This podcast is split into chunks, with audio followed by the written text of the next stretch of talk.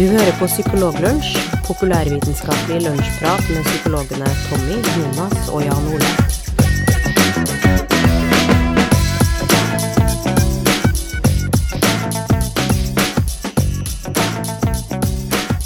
Da er vi tilbake med episode 51 av Psykologlunsj. Vi glemte jo selvfølgelig å nevne at vi eh, hadde et jubileum forrige gang, eh, episode nummer 50. Og at vi faktisk har holdt på i to år. Eh, og det er jo var kanskje en liten nedtur, da. Men eh, vi feirer i dag eh, episode nummer 51. Eh, og fremdeles så er det Tommy Mangerud som er med oss fra Melhus. Og så er det Jan Ole Hesselberg som er med fra Drøbak. Og jeg, da. Jonas Våg, som holder til i Malvik kommune. En kommune som har en tiur på kommunevåpenet sitt. I dag har vi et fullspekka program, eh, gutta. Vi skal faktisk gå gjennom eh, eh, eh, noen korte utdrag fra ei bok som heter 'Kunsten å tenke klart', hvor Tommy faktisk har vært faglig rådgiver. Stemmer ikke det, Tommy?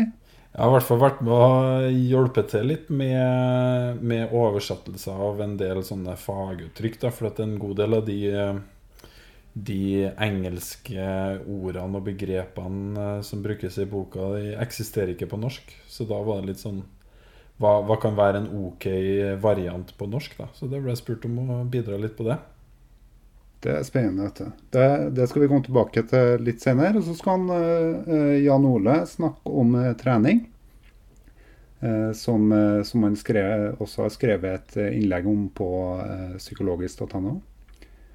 Eh, det- og eh, Men før det så, så eh, jeg er i innspurten med doktorgraden min og sliter med å sove om natta. Så derfor tok jeg meg en tur på nettet og så søkte jeg etter insomni. Lurte litt på om hvorvidt jeg kanskje hadde symptomer på insomni, eller hva det var for noe. da. Og da kom jeg borti én studie, eh, for det heter jo én studie, det heter ikke ett studie. Og de som eh, tror det heter noe sånt, de eh, tar da grundig feil. Og der kom jeg borti en studie som tok for seg forekomsten av, av insomni i populærmusikk.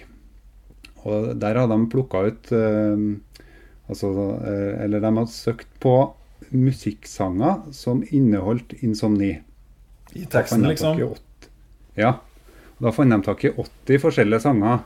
Populærmusikk, eh, altså popsanger, da, som tok for seg insomni. Det de ville finne ut, var om sånn når eh, man i popmusikken eh, nevner insomni, eh, tar man da og råder lytteren til å gjøre gode søvnhygieniske tiltak? Eh, eller eh, råder man eh, eh, lytterne til å, til å gjøre tiltak som kanskje ikke er så bra å opprettholde insomnisymptomene? Hva tror dere om det? Eh, Jeg tror at det gjennomgående er ganske dårlige råd. Er det, sjang, Ja, er det sjangerspesifikt? Er det liksom at dekadente rockemusikere anbefaler deg å ty til rusmidler, mens eh, andre sjangere er det Er det forskjell på det? Ja, du, du, du er litt innpå det, altså.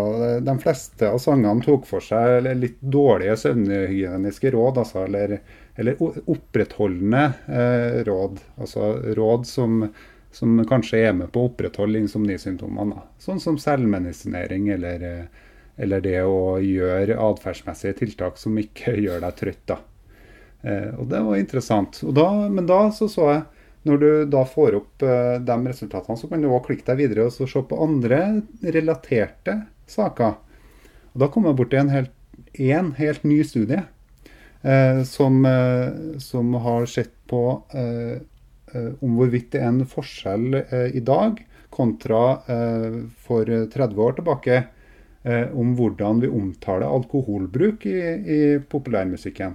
Interessant. Ja, og der, eh, der fant man da at, eh, at eh, på topplista, altså topp ti i, i Storbritannia i, i 1981, eh, så var det 5,8% av sangene som tok for seg alkohol som tematikk da, i popmusikken. Mens, eh, mens det i, fram til i dag har vært sånn gradvis økning. Så nå er vi oppe i 18,5 18,5% Ja, det er ikke så mange. kanskje? Det er ikke så mange. Jeg vet ikke. Jeg Altså- syns det er ganske mye. Det er jo 100% av alle hiphop-sanger, da. Ja.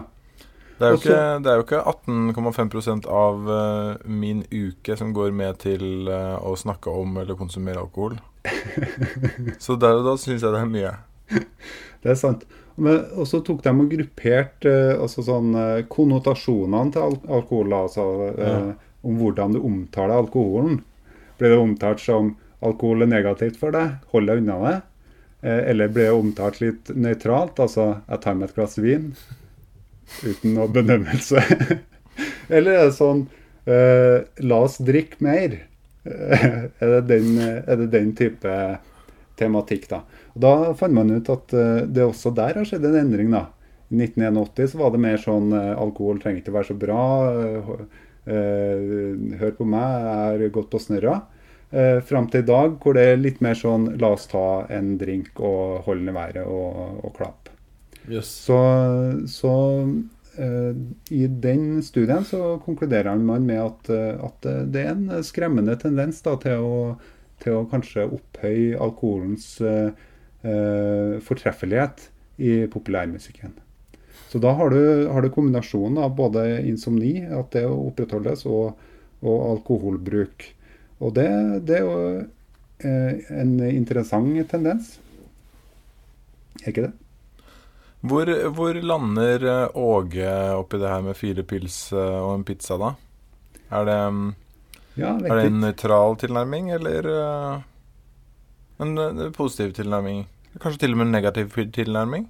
Ja, det kan jo hende. Eh, eh, det spørs jo om eh, hvordan det formidles. Formidles det sånn som en liste over ting du har gjennomført, så tenker jeg det er en mer sånn nøytral tilnærming, sant? Fire Fordi pizza, sanger som er lister- Ja, men for sanger som er lister over ting man har gjennomført, er jo generelt veldig populære. Ja. ja, det er Det er veldig, de kommer veldig høyt opp Ja. på norsktoppen. Ja, sant. Det er det. Mm. Den der eh, den, Dette eh, må jeg gjøre på mandag, og ting jeg har gjennomført i forrige uke, det er følgende. Følg med nå. Det jeg handla det, det er jo Se, det er en hit i emning bare der. ja, det er det. Den ligner litt på den der eh, den, eh, Dette er ikke promotion, dette er ikke reklame eh, rappen som var eh, for, eh, på 80-tallet, var ikke det? Han som dro på Peppers Pizza og, og røykte eh, Tidemanns tobakk. Du har noen eh, referanser, Jonas, som ikke jeg greier å, å kjenne igjen. Har dere ikke hørt den? Nei, Den jeg håper nå jeg at like, Den skal vi legge ut på YouTube. Den er fantastisk. Ja, det må vi. Eh, og da, eh, apropos det, så over til noe helt annet. Eh, vi skal snakke om boka til eh, Tommy, som Tommy har vært psykologspesialistfaglig rådgiver eh, til. Eh, og, eh, og det var jo faktisk sånn at det førte med seg, altså det at han var det, førte med seg noen frynsegoder til oss andre også i, i Psykologlunsj. Vi fikk faktisk boka i posten. Eh, og Ja. Jeg for og vifta med den foran samboeren min, bare for å demonstrere at uh, her er faktisk det vi får til å utrette her i Psykologlunsj. Ja. Vi får gratis bøker. Men det er jo litt stas, da. Nei, men altså, det er jo eh, jeg, har, eh, jeg har jo lest den før. Den var mellom permene. Eh, og eh, jeg har lest litt inn igjen nå. og Den den er ganske morsom og ganske underholdende. Jeg tror at veldig mange av våre lyttere vil uh, finne den interessant. Boka heter altså 'Kunsten å tenke klart' av, uh, av en kar som heter Rolf Dobelli. Rolf Dobelli er en han, han har en doktorgrad i økonomisk filosofi, så han har ikke en psykologiutdanning, men mer en sånn her Mer kanskje litt i retning av den atferdsøkonomien som bl.a. Dan Ariely befinner seg i. Eh, og for så vidt også Kahneman, som eh, har på en måte litt sånn interesse av det, det, de, en del av de temaene som, eh, som tas opp i boka. Det, det er hyppige referanser til bl.a. Kahneman. Eh, og det denne boka da inneholder, det er eh, Skal vi se nå, hvor mange kapitler det er. Nå skal jeg høre dere at jeg blar inn. Det er 99 kapitler om ulike psykologiske fenomen og, og, og, og eh, sånne feilslutninger og, og ja, sånne type ting som vi liker å snakke litt om. da Som f.eks. det her med eh, kognitiv dissonans eh, og eh, ulike eh, sånne type effekter. Jeg tenkte jeg skulle nevne et par eh, til dere hvis dere hadde interesse av å høre noen av dem. Eh, og så tenkte jeg jeg skulle formulere dem litt sånn smålurt og se om jeg får dere ut på glattisen på noen av dem. Eh, hvis dere tåler det. Flott. Ok, så her har vi et Nå skal jeg lese et sånn lite avsnitt her, da. Eh, så hvis man tenker seg at skole, skoleelever sin gjennomsnittlige IQ er jo da Hva er den? 100? 100, ikke sant? Så det er selve definisjonen på gjennomsnittet i IQ 100, at det er 100. ikke sant? Det er der vi regner det ut fra. Så eh, du skal da være med i en studie hvor du samler inn tilfeldige stikkprøver fra 50 skolebarn. Eh, og det første barnet som du da tester, har en IQ på 150. Sant? Eh, hvor høy kommer den gjennomsnittlige IQ-en til de 50 skoleelevene til å være?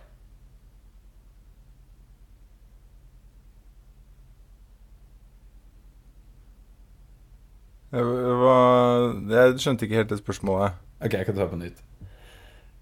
Ja, hvis, ok, du, du plukker ut en unge, og så det er, har den en IQ på 150. Så spørsmålet er hvor høy kommer altså, du, skal ha IQ-en. 50 eh, barn totalt, og den første har 150, og så har du 49 til du skal teste, da. Ja. Så ville, hva, hvor høy kommer den gjennomsnittlige IQ-en til de 50 skoleelevene til sammen å være? Det mest, Det, øh, det kan man jo ikke sånn uten videre det er mest si, men det beste tipset ville jo vært 100, da. Hva sier Jonas? Helt enig. Helt enig. Har du ikke noe rasjonale bak det? Vi må jo gå etter det som er mest sannsynlig, og det er jo at det er 100. Altså at du, at du kan få en med 150 først, det kan jo være en tilfeldighet. Ja, men da hva, hva med de neste 49, da? Nei, da kan du jo ende opp med å ha en som er 50 da, på neste. Ja, nettopp. Da, Så der Ja, du tenker at det du, det, det du vil, vil fram til, Tommy, det er sikkert at det, det er 100, 100 i snitt eh, på de 49. eh, Er den, det er sannsynligheten. Og så har du en på 150 som trekker opp eh, det gjennomsnittet. Nettopp. Sånn at man kanskje eh, det, Man ville ha gitt en IQ på 101. Da, for det som Jonas sa nå, da Kanskje det kommer en på 50, ikke sant? Eh, og det kan jo være, men det man har en liten tilbøyelighet til å gjøre, og som det her forsøker å eksemplifisere, det er noe som vi kaller for gambler-feilslutningen, eller gambler, gamblers fall- fallacy. Det at man får en ekstremt høy eh, res, eh, svar i starten, så antar man at det vil komme en ekstremt lav en for å balansere det ut, fordi at man vet at det er 100 som er gjennomsnittet. sant? Eh, Men det trenger det ikke å være, for på hver enkelt av de barna som kommer etterpå, så vil alle de kunne ha Eller mest sannsynlig så er det et snitt på 100, sånn som du sa, Jan Ole. Så det er en sånn typisk greie. Og det, det, det, det vanligste eksempelet på det, som jeg ikke valgte å bruke nå, for det vet jeg dere har hørt, det er jo det her med at hvis man kaster en mynt opp i lufta, og den lander tre ganger på en krone, eh, og så skal du da hive eh, neste myntkast, hva, hva tror du er sannsynlig at den havner på? Så har folk en liten sånn tendens til at de tenker at det er mynt. For nå har du liksom brukt opp krone med å ha tre på rad med krone, og da er det sikkert større sannsynlighet for at det er mynt neste gang. Noe du da det selvfølgelig ikke har, for det er alltid 50% Hvis du ikke da har uh, Husker dere på de morosaker-greiene som var på Ringo? Eh, altså Som man fikk kjøpt på, eh, på Og der, der var, fikk man kjøpe en jukseterning. Det stemmer. Så den som, er, som eh, endte opp med sekser ganske ofte Altså Det var ikke alltid den endte opp med sekser, men mest sannsynlig så havna han på en sekser. Det er et godt Og, poeng. og det kan jo Og noen ganger så må man jo mistenke om kanskje mynten er har eh, Altså er eh, er liksom fiksa, da. Så at, eh, så at det Ja. kanskje Eller, eller ikke nødvendigvis er fiksa, men har en liten skjevhet Mm. som gjør at den havner litt grann oftere. Det er jo, folk har jo, har jo tjent penger på, gode penger på kasino ved å sitte og observere rulettbord over lang tid og, og Ja. finne at det er en liten, liten skjevhet i retning av eh, noen av eh, tallene. Ikke mye, men bare du har liksom et par prosent eh, edge eh, på huset, så er det jo grunn til å begynne å satse. Ikke sant? ja, så. Så så det finnes historiske eksempler på det. Ikke sant? Eh, jeg kan ta en til som kanskje nevner eh, Som nærmer seg litt noe mer, kanskje mer matnytte. da Det handler om lykke. Um, eh, det her med um, hva, Det bes om at hva er, det, hva er det man Hvor lenge vil man anta at en lykkefølelse varer? Hvis du f.eks. noen ringer deg i dag eller i morgen Jan Ole, og sier at du har vunnet 10 millioner i Lotto, eh, hvor lang tid tror du at du kommer til å være lykkelig? Eh, og der har sånn, eh, folk en tendens til at de overvurderer det. Da, at de tenker at vinner jeg 10 millioner i Lotto, så kommer jeg til å være lykkelig i lang, lang tid framover. Eh, men når man har undersøkt det, så er det sånn fascinerende hvor kort den lykkefølelsen varer. da Både ved, ved det å kjøpe seg en ny bil eller et nytt hus, eller Jan Ole, kjøpe seg en ny telefon. Um, så, så er den varigheten sjelden noe mye lenger enn en, kanskje maks en tre måneders tid. da Eh, Ikke sant? Jeg vil jo jeg vil si at den, vanligvis så varer ikke den lykken med, eh, lengre enn til du må rydde et eller annet. Uh, og i alle fall ikke lengre enn til du får omgangsuken. Ja. Eller kanskje i hvert fall til at, til at det kommer et nytt, en ny ting som du også ønsker deg. Altså sånn Det her med telefoner er litt sånn typisk. da At man har kjøpt seg en ny telefon, veldig fornøyd med den, og så kommer det jo hele tida nye telefoner ut på markedet. Eh, og da har du et sånt sammenligningsgrunnlag, så er vi veldig dyktige til å, til å se at liksom, den her har en, en, en eller annen egenskap som ikke din telefon har, selv om du egentlig ikke har behov for den. Så, så det er jo litt Altså nye, nye ting som erstatter de materielle tingene, det er én ting, men også at det, alle liksom de hverdags Uh, uh, Altså uh, hverdagens utfordringer forsvinner ikke. Eh, med masse penger. Du kan jo kanskje få det enklere på noen områder. Du får noen til å vaske huset ditt og sånne ting. Men det, du kan ha like fullt ha økonomiske bekymringer. Folk som uh, plutselig begynner å be deg om penger. Det er en ny, ny problemstilling hvis du har veldig mye penger plutselig. Uh, og du har kanskje bekymringer for helsa di, kanskje ikke ekteskapet ditt går så bra, forholdet til ungene dine. Alle disse tingene her er jo uh, ting som du ikke fikser nødvendigvis eh, med penger. Og så glemmer man at det dukker opp nye problemstillinger når man får eh, masse penger. da. Det er litt uh, interessant at du sier, for at uh, i den boka så nevner, man, eh, nevner han Dobelli et sånt eksempel på det. Uh, en venn av en da som var banksjef, og som da hadde en eh, uanstendig høy inntekt. Eh, og som bestemte seg for å flytte ut av byen for å bygge seg et drømmehus da, eh, utafor byen. Og bruke da eh, Bygge en villa med ti rom og svømmebasseng og alt mulig sånn der. Eh, og så går det jo tre måneder, og så er ikke Så har den lykkefølelsen forsvunnet. Men i tillegg til det, da, så har han da eh, 50 minutter ekstra kjøring til jobb hver dag fordi at han valgte å flytte utafor byen. Som er typisk en Ja. sånn der Sånn der ting som, vi, som ikke forsvinner. Eh, sånne ulemper i hverdagen som er der konstant. Eh, Så det er akkurat eh, de tingene som eh, du er inne på. Altså unngå negative effekter som du ikke venner deg til sjøl over tid, sånn som pendling, støy, stress, sånne ting. Og forvente en kortvarig lykke av materielle ting, altså. Det er så enkelt som det. Som gir litt mening, men som folk er ganske dårlige til, egentlig. Har du noe mer fra boka, Tommy?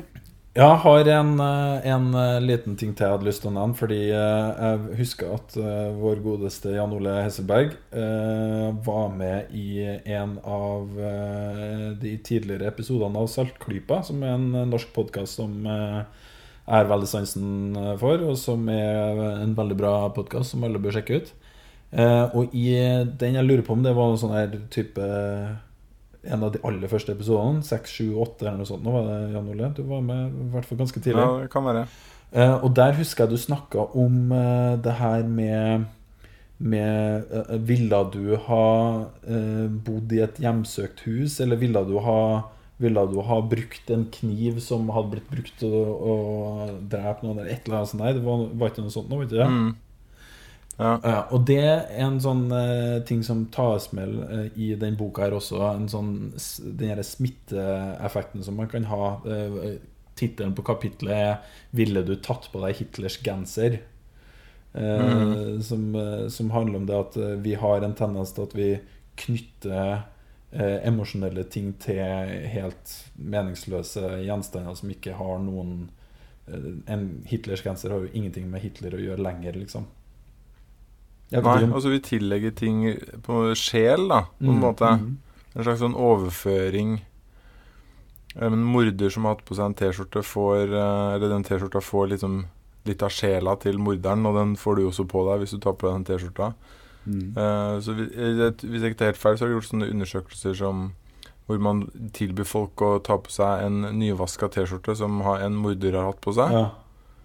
Eller ta på deg en T-skjorte med hundebæsj på, uh, som ikke er vaska. Og da tenderer folk mot å velge den T-skjorta med hundebæsj på, som tross alt utgjør en faktisk helserisiko, da. Uh, og uh, eh, et annet sånn problemstilling er mm, Se for deg hvis du har et sånt uh, gammel møbel hjemme eh, som, eh, som har gått i arv, og som har, eh, har en Du har en emosjonell tilknytning til, da. Som har vært i familien lenge. ja. Og så får du, så får du eh, følgende tilbud. Eh, gi det, eh, den gjenstanden til meg. ja. Så skal jeg knuse den gjenstanden foran øynene dine, ødelegge den fullstendig. Um, uh, det skal du få 20 000 kroner for. Uh, og så skal du i tillegg få en eksakt replika eh, av den gjenstanden. Helt ned i det minste eh, detalj. Altså, du klarer aldri å se forskjell. Alle, all knirking eh, i det møbelet, hvis det er et møbel, eh, er identisk. Altså, ingen kommer noensinne til å se forskjell. Ville du ha gått med på den dealen, da? Mm. Uh, og de aller fleste jeg stiller det spørsmålet, de svarer nei på det spørsmålet. Da. Mm. Fordi da er det ikke lenger uh, det, er ikke, det er ikke lenger den tingen. Eh, selv, om, selv om den Jeg kan garantere at ned i eh, På atomnivå så vil det være identisk. Da. Mm. Um, så, så det- vi har en sånn tendens til å tillegge sjel til, eh, til ting, da. Mm. Som er da en eh, god markedsføringspunkt for homeopater. At ting har sjel. Veldig, veldig. Dette veldig spesielle vannet som, eh, Som inneholder akkurat de samme vannmolekylene som i det vannet du har i, i vasken. Men det er mye spennende i sånn kvante, kvantefysikk og sånn, vet du. Det er sant, det. Det er masse vi ikke vet ennå, Tommy, så jeg syns ikke du skal være så, så ovenpå. Nei, det er sant. Sorry. My bad. Ja, ja. Eh, boka som Tommy da har vært eh, psykologspesialistfaglig rådgiver på, heter 'Kunsten å tenke klart'. Det er faktisk en internasjonal bestselger, står det her. Og eh, Bjørn Vassnes i Klassekampen sier at det er en slags håndbok i hvordan man kan overleve som tenkende person. Intet Eh, Så den passer jo egentlig for alle. Eh, Ja, men, men ikke for de som ikke er tenkende, da. Det er sant. Nei, ikke for dem som ikke er tenkende. Så hvis du ikke har en tanke, eh, så ikke kjøp Gå til legen. boka. Da anbefaler vi Knausgård istedenfor. Ja, da blir det Knausgård. For han gjør tenkinga for deg. Eh, hør det på lydbok. Da eh, går vi over eh, i mellom... Vi skal etter innslaget til Jan Ole så skal vi ta for oss et lytterspørsmål. Men nå skal vi snakke om Jan Oles eh, artikkel på psykologisk.no som handler om eh, trening og nytteeffekten av det. Ja, eh, jeg skal ta det egentlig ganske kort, men eh, jeg eh, tenkte plutselig en dag at eh, dette med trening, dette har jeg hørt veldig mye om, at det er bra for din psykiske helse. Mm. Og det har bare blitt en sånn sannhet som eh, alle har tilsynelatende akseptert. Eh, og så tenkte jeg at det har jeg egentlig aldri sjekka selv. Så da uh, må jeg, måtte jeg jo gjøre det, bare for å finne ut av det. Jeg er ganske glad i å trene selv og sånn. Og uh, Ganske glad i å være glad? det er jo fint om det er en Hva sa du? Så er du ganske glad i å være glad? Jeg er ganske glad i å være glad. ja. Begge deler. Jeg er både glad i god psykisk helse og i trening, så det passer perfekt. Eh, nei, så jeg satte meg og tenkte at jeg skal skrive om det, og så skal jeg prøve å finne ut av det mens jeg skriver denne artikkelen. Og det mm, gjorde jeg. Da søkte jeg på de store databasene hvor man ser etter sånne systematiske oversikter, som eh, er gullstandarden innenfor eh, behandlingsforskning. Nærmere bestemt på Cochrane-databasen, eller Cochrane Library, som vi har fri tilgang til som norske statsborgere. Mm. Og på Kunnskapssenteret, som er den norske grenen til, eh, til Cochrane-samarbeidet. Og uh, det jeg fant der, var, eh, var at uh, trening viser seg å være litt til moderat effektivt når man snakker om å behandle eh, psykiske vansker. Da Mm. nærmere bestemt sånne ting som depresjon og angst. Og så er det lite forskning på, på andre typer eh, problemer. Men det er også de vanligste eh, problemstillingene. Ja. Uh, og så mm, eh, da har jeg skrevet ned dette, og da reaksjonen på, fra en del på Twitter og sånn var at uh, ja, men herregud, det visste vi jo fra før av. Det er jo Det er jo ikke noe nytt Mm. skrev folk. Og det er jo for så vidt ikke det, men hvor ofte har man ikke opplevd eh, at eh, disse etablerte sannhetene som man har hørt så ofte, eh, ikke stemmer? Mhm. Mm. Godt Eh, og at de er litt mer kompliserte enn som så. Og det gjelder jo for så vidt eh, her også, fordi den effekten som gjengis, den er ikke sånn kjempestor. Nei. Og noen ganger så får man jo litt sånn inntrykk av at eh, bare du kommer deg ut og får deg litt frisk luft, så forsvinner den her depresjonen din. Mm. Den, eh, den hardnakka depresjonen din, den forsvinner bare du får litt fjell, norsk eh, fjelluft og, eh, og får beveget deg litt. Sant? Og Og, alle, og alle dem som er sånn treningsfriker i media, er jo, er jo også oppsiktsvekkende glad og lystig og vil ha deg med ut og jogge.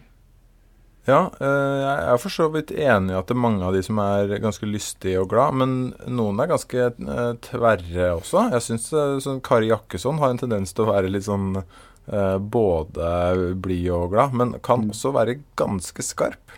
Ja. Spesielt mot eh, overvektige mennesker. mm.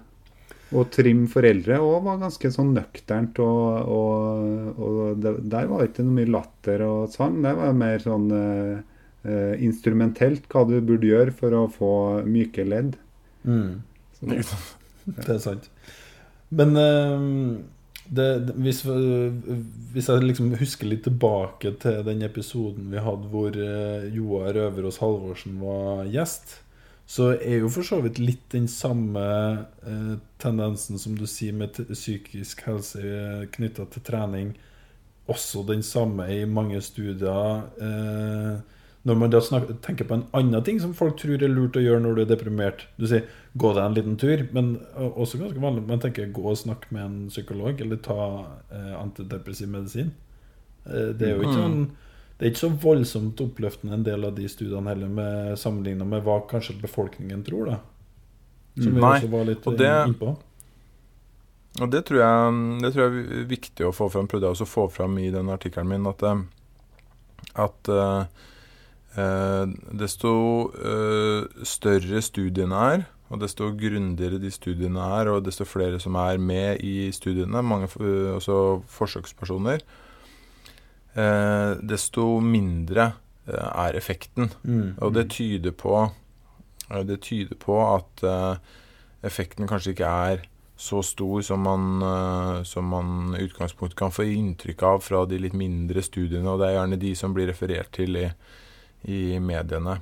Mm. Og i tillegg så, så sier jo folk, eh, kan jo folk fremheve det at det er lurt å komme seg ut, at det er en bra ting. Det at det er lurt å eh, få bevegd seg litt og få kanskje drevet litt styrketrening og sånn. Og de tingene der, altså de spesifikke tingene, de vet vi veldig lite om. Mm. De vet vi så å si ingenting om. Vi vet ikke om vi vet ikke så mye om det er det at du kommer deg ut og får frisk luft, eller at det er naturopplevelser, eller at det holder å trene inne. Og vi vet heller ikke så mye hva som kreves av intensitet, eller hva slags eh, type trening. Så det er utrolig mye her vi ikke vet. Mm. Så til alle de som eh, reagerte på denne artikkelen ved å tenke at eh, dette er jo gammelt nytt, så, så er det faktisk veldig mye der som vi ikke har noe godt svar på ennå. Eller at man bare rett og slett gjør noe annet enn å bare sitte inn og være deprimert. Ja, ja. Sant? Ja. Altså At det ikke har noe med noen av de tingene knytta til fysisk trening i hele tatt, men bare det at du Ja. gjør noe annet. Så du får mindre Ja. tid til å gruble og tenke og ikke gjøre noe. Ja, Absolutt. Det er, eh, det er fullt mulig at det er det. Mm. Men uansett, da, med bakgrunn i Ja.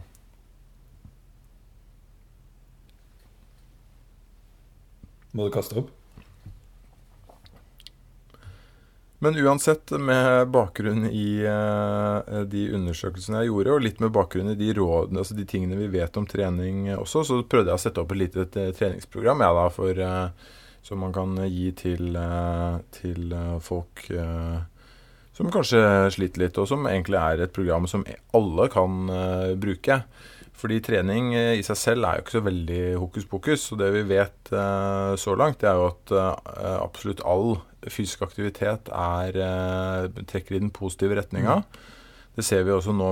Det er ganske mange som har sånne aktivitetsarmbånd og eller som bruker mobiltelefonen sin til å registrere skritt. Se der, Jonas ja, han viser fram et Mm. sånt bånd. Og jeg har en klokke også som registrerer det, og det har Tommy også. Ehm, hvor gjerne 10 000 skritt er en sånn standard. Eh, så det, det, er, det er bra i seg selv. Altså bare, bare all mulig aktivitet. Det trenger ikke være nødvendigvis så veldig intens, eh, eh, intens eh, trening. Um, I tillegg så vet vi det at hvis du først er ute, så er det, er det nok positivt å komme til et sånt nivå i aktiviteten din som gjør at du må puste litt ekstra, og at hjertet slår litt ekstra for å Så du må anstrenge deg lite grann, da. Eh, jeg vil ikke akkurat eh, anbefale alle, eller nødvendigvis eh, råde alle til å drive intervalltrening, men det er jo i og for seg det som ligger i det. At du skal komme deg opp i noen sånne soner hvor du må ta i litt ekstra.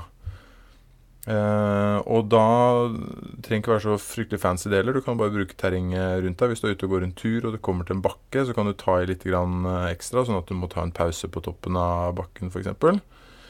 Og så bør man tenke at eh, mer alltid er eh, bedre. Sånn at eh, eh, hvis du kan holde på i fem minutter ekstra, så, så er, det, er det positivt. For det viser seg at eh, det ikke er noe særlig sånn takeffekt på i hvert fall de positive helseeffektene av trening. Det er ikke sånn at eh, hvis du trener eh, fem-seks timer i uka, så får du ikke noe særlig ut av den sjuende timen. Du får faktisk eh, noe ut av den sjuende timen, og åttende, og niende og tiende også. Mm. Så, og så eh, virker det også som det er en myte at de som trener kjempemye, at de får mange helseproblemer. Det ser det også ut som er en myte. Det var interessant. Det, eh, det, da må jeg skru opp antall skritt på den, det aktivitetsarmbåndet mitt. For det har jeg holdt Hvor mange har du? Nei, i dag så har jeg gått uh, 5797 skritt. Men vi har jo bare kommet til lunsj ennå. Ja, det, det er jo sant. Så, det, så jeg har Klokka er jo ikke ti over halv ti på kvelden i det hele tatt. Nei, Nei. det er ikke det. Men jeg har gått 27 trapper, da. Og det, det er jo bra. Det, øh, øh, min sier også fra når man har sittet stille for lenge. Mm. Ja. For det er visstnok en sånn tredje Det er den nye røykinga, det, sies det. Sier Ja. folk. Stillesitting. Så uh, må opp og stå med jevne mellomrom. Ja. Da, da må vi uh, kjappe oss til neste sak, så vi ikke blir sittende altfor uh, for stille og for lenge. Eh, Dagens dårlige vi- samvittighet der, altså. Det er litt eh, dårlig samvittighet der, ja. Vi eh, går over til et eh, lytterspørsmål. Og så tenkte jeg jeg skulle finne tak i den eh. Skal jeg lese opp, eller leser du opp det, Tommy? Du er også fin nordlending eh, Hvis den er nordlending, vi vet ikke om det. Ja, det, det, vi vet jo kanskje ikke det. Det gjør vi faktisk ikke, nei. Dere har sett det fine bakdekselet jeg har på telefonen min? Ja, kult. Ja, det er bra. altså. Det, Det er det mest solide og mest best bygde dekselet jeg hadde noen gang. Jeg kan lese det her hvis du vil. Eh, Du velger sjøl. Jeg får opp det her nå, skal vi se. Kristoffer Klevjer, Klevier, ja.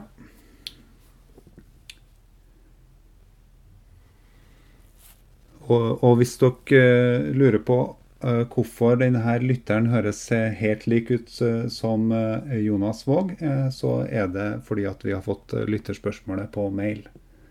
Eh, Det er Kristoffer som spør, eller som sier følgende. Eh, Dere har tidligere snakket om oss som sliter litt med høyre og venstre, og utfordringene dette byr på når man skal ta sertifikatet. Jeg har da selvfølgelig utsatt dette, og må da gå når jeg skal et sted. Dette i kombinasjon kombinasjon med at vi menn heller tar et godt støt, eller 193 fremfor å kjede oss, gjør det at jeg er en storforbruker av podkaster. Har dere anbefalinger til gode psykologiske podkaster på engelsk? Bonuspoeng for faglig kvalitet, og ikke for hardt på popsiden. Altså en eh, Kristoffer lurer på om vi har noen eh, podkaster som vi, som vi eh, kunne tenkt oss å anbefalt for han. Mm. Har vi det, gutta? Det må vi Sa han bonus for faglig kvalitet og ikke Ikke så hardt på pop-sida, så eh, ikke så mye sånn type psykologlunsj, jovial stemning. Nei. Litt, litt mer uh, faglig kvalitet, ja. Jeg har, jeg har noen forslag, jeg. Ja. Du får ta dine først, da. Det har jeg. Jeg syns, jeg syns jo ikke at det ene utelukker det andre alltid, da. Ehm, uh, jeg Kanskje min eh, Min favoritt akkurat nå, som jeg har funnet litt igjen eh, etter en eh, stund, det er en podkast som heter så mye som eh, You Are Not So Smart. Oi. Mm, Eh, Den er fin. Som er eh, Det er en journalist eh, som eh, driver den podkasten, og den Altså Egentlig så begynte det som en blogg, så det finnes en blogg som heter you'renotsosmart.com. Og så er den bloggen også blitt til en bok som heter You're Not So Smart. Og så har det blitt til en uh, podkast som heter You're Not So Smart. Og den tar stort sett for seg en del sånne eh, Veldig mye sånn tankefeil. eh, og litt sånn atferdsøkonomiske eh, spørsmål. Um, men det er altså det meste som handler om hjerne og, og psykologi, eh, dukker opp der. Og så har han en god del eh, interessante intervjuer med, med kjente forskere. For eksempel um, så har han eh, en podkast ganske nylig om eh, hukommelse og misremembering. eh, med Dan eh, Simmons, som er en av mennene bak eh, The Invisible Mm. Gorilla-eksperimentet, Mm. som mange kjenner til. Mm. Eh, Så har jeg vært innom eh, veldig mye eh, spennende tema, så den anbefaler jeg absolutt. Og så har jeg en podkast som jeg liker veldig godt, som er veldig høy på fagligheten. Kjempehøy. Og det er en som heter Brain Science eh, Podcast. Ja. Eh, med dr. Ginger Campbell. Eh, så den er veldig eh, solid faglig, og også der er- finnes det transkripsjoner av alle podkastene hennes. Og hun har også veldig mange eh, kjente gjester og dyktige gjester, så der, den ville jeg absolutt ha trukket eh, i retning av. Den uh, sto også på min liste, og noen av de eh, temaene som de har vært gjennom, er jo type sånn speilnevron. Det er også en episode nevro, nevrobiologi for dummies. Eh, søvn, forskjellige sånne tema. Mm. Jeg kan jo ta noen eh, jeg før deg, Tommy, hvis det, hvis det er greit. Jeg, eh, det er kanskje ikke den beste programlederen, men, eh, men han har egentlig en ganske en rekke spennende gjester. Det- er, det er en podkast som heter Ja, hva er den heter Hvem du tenker på? Jeg må ta det på nytt, sorry. Skal vi se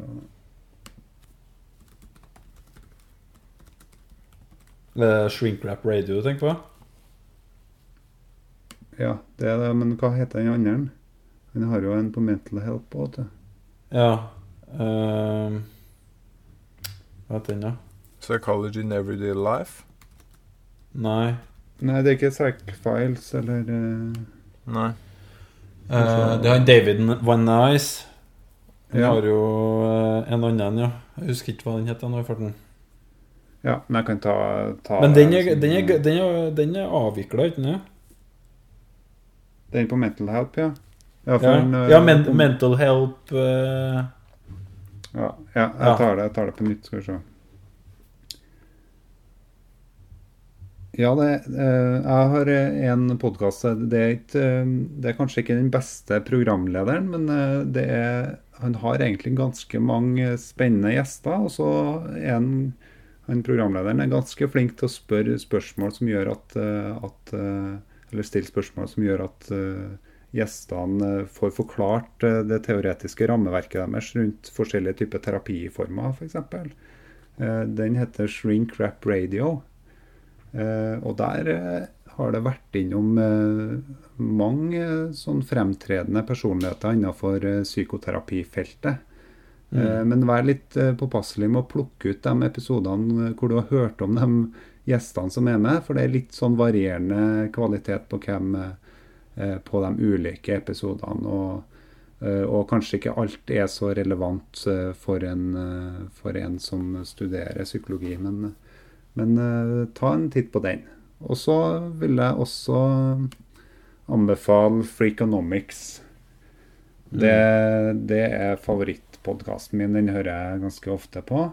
Eh, Den er jo basert på ei bok òg med, med samme navn, eller i hvert fall hadde hatt sitt utspring i den boka som eh, ble gitt ut i 2005, tror jeg det var. Mm. Det er en som heter Steve- Steven Dubner, og en som heter Steven Levitt, eh, som eh, både har skrevet den boka, og som eh, har den podkasten. Og hvis du har, eh, hvis du har programmet eh, Hvis du har det lydbokprogrammet på mobilen din som heter så mye som Hva heter det så mye? Beyond Pod. Audible? Hm? Audible. Nei, Audible, ja.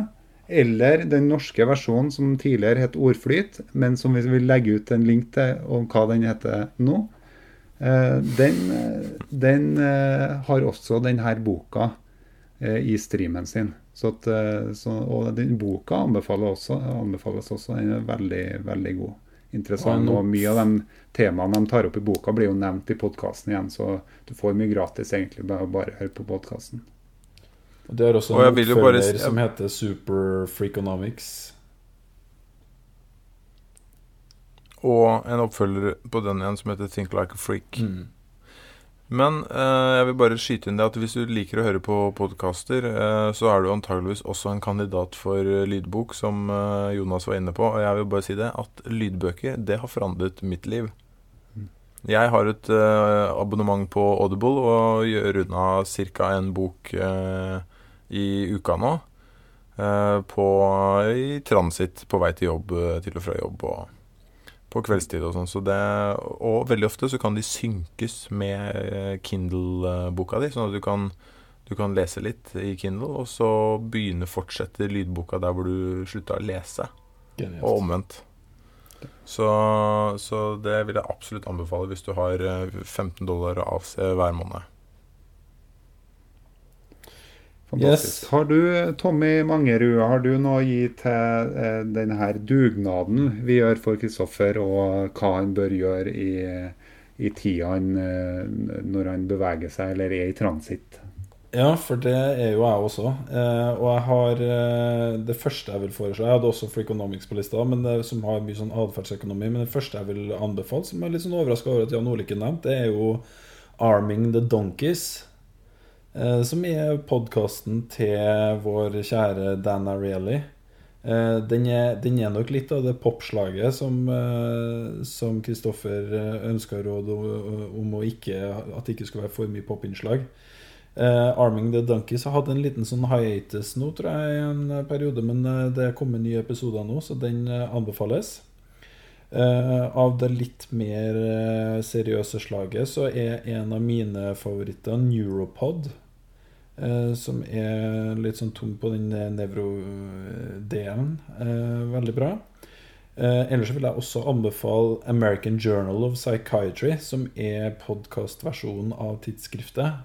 Og de har eh, faktisk veldig sånn kortfatta og gode oppsummeringer av en del av de artiklene som eh, står i det tidsskriftet.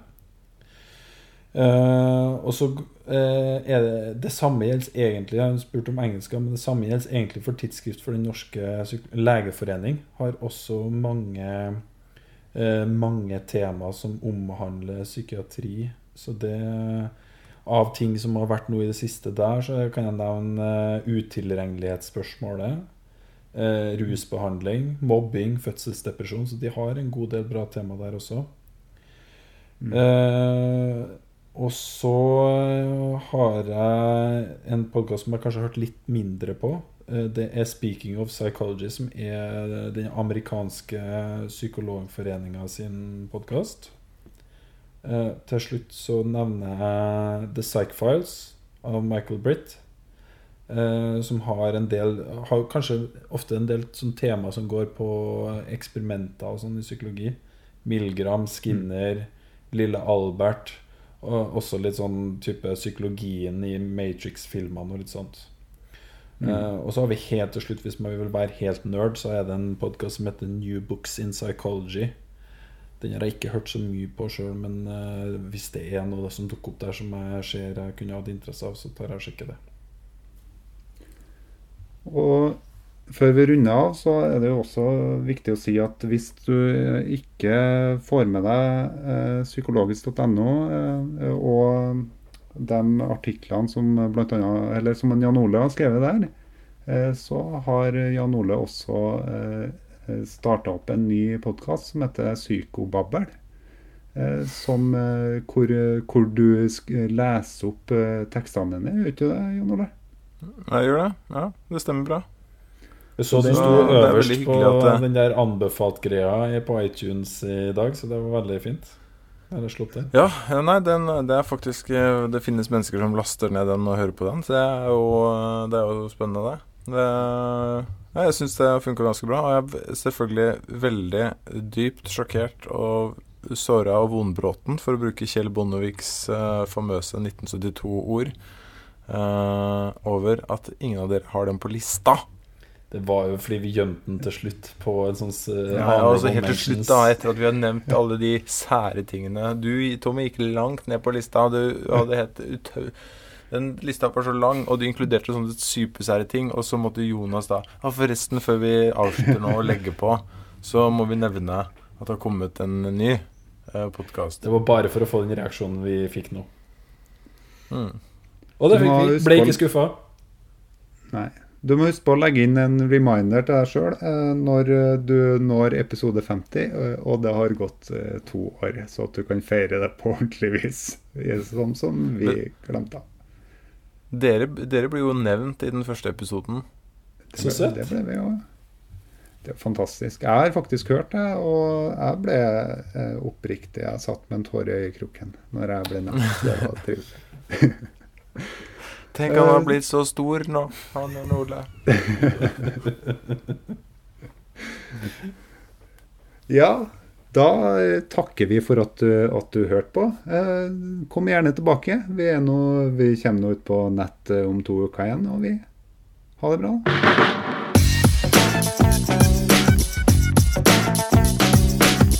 Du har nå lytta til Psykologlunsj. Har du noen spørsmål, kan du søke opp Psykologlunsj på Twitter, eller du kan sende en e-post til psykologlunsj alfakrøll.gmail.com. Mer informasjon om temaet du har hørt i dag, finner du på psykologibloggen.no og tankesmed.no.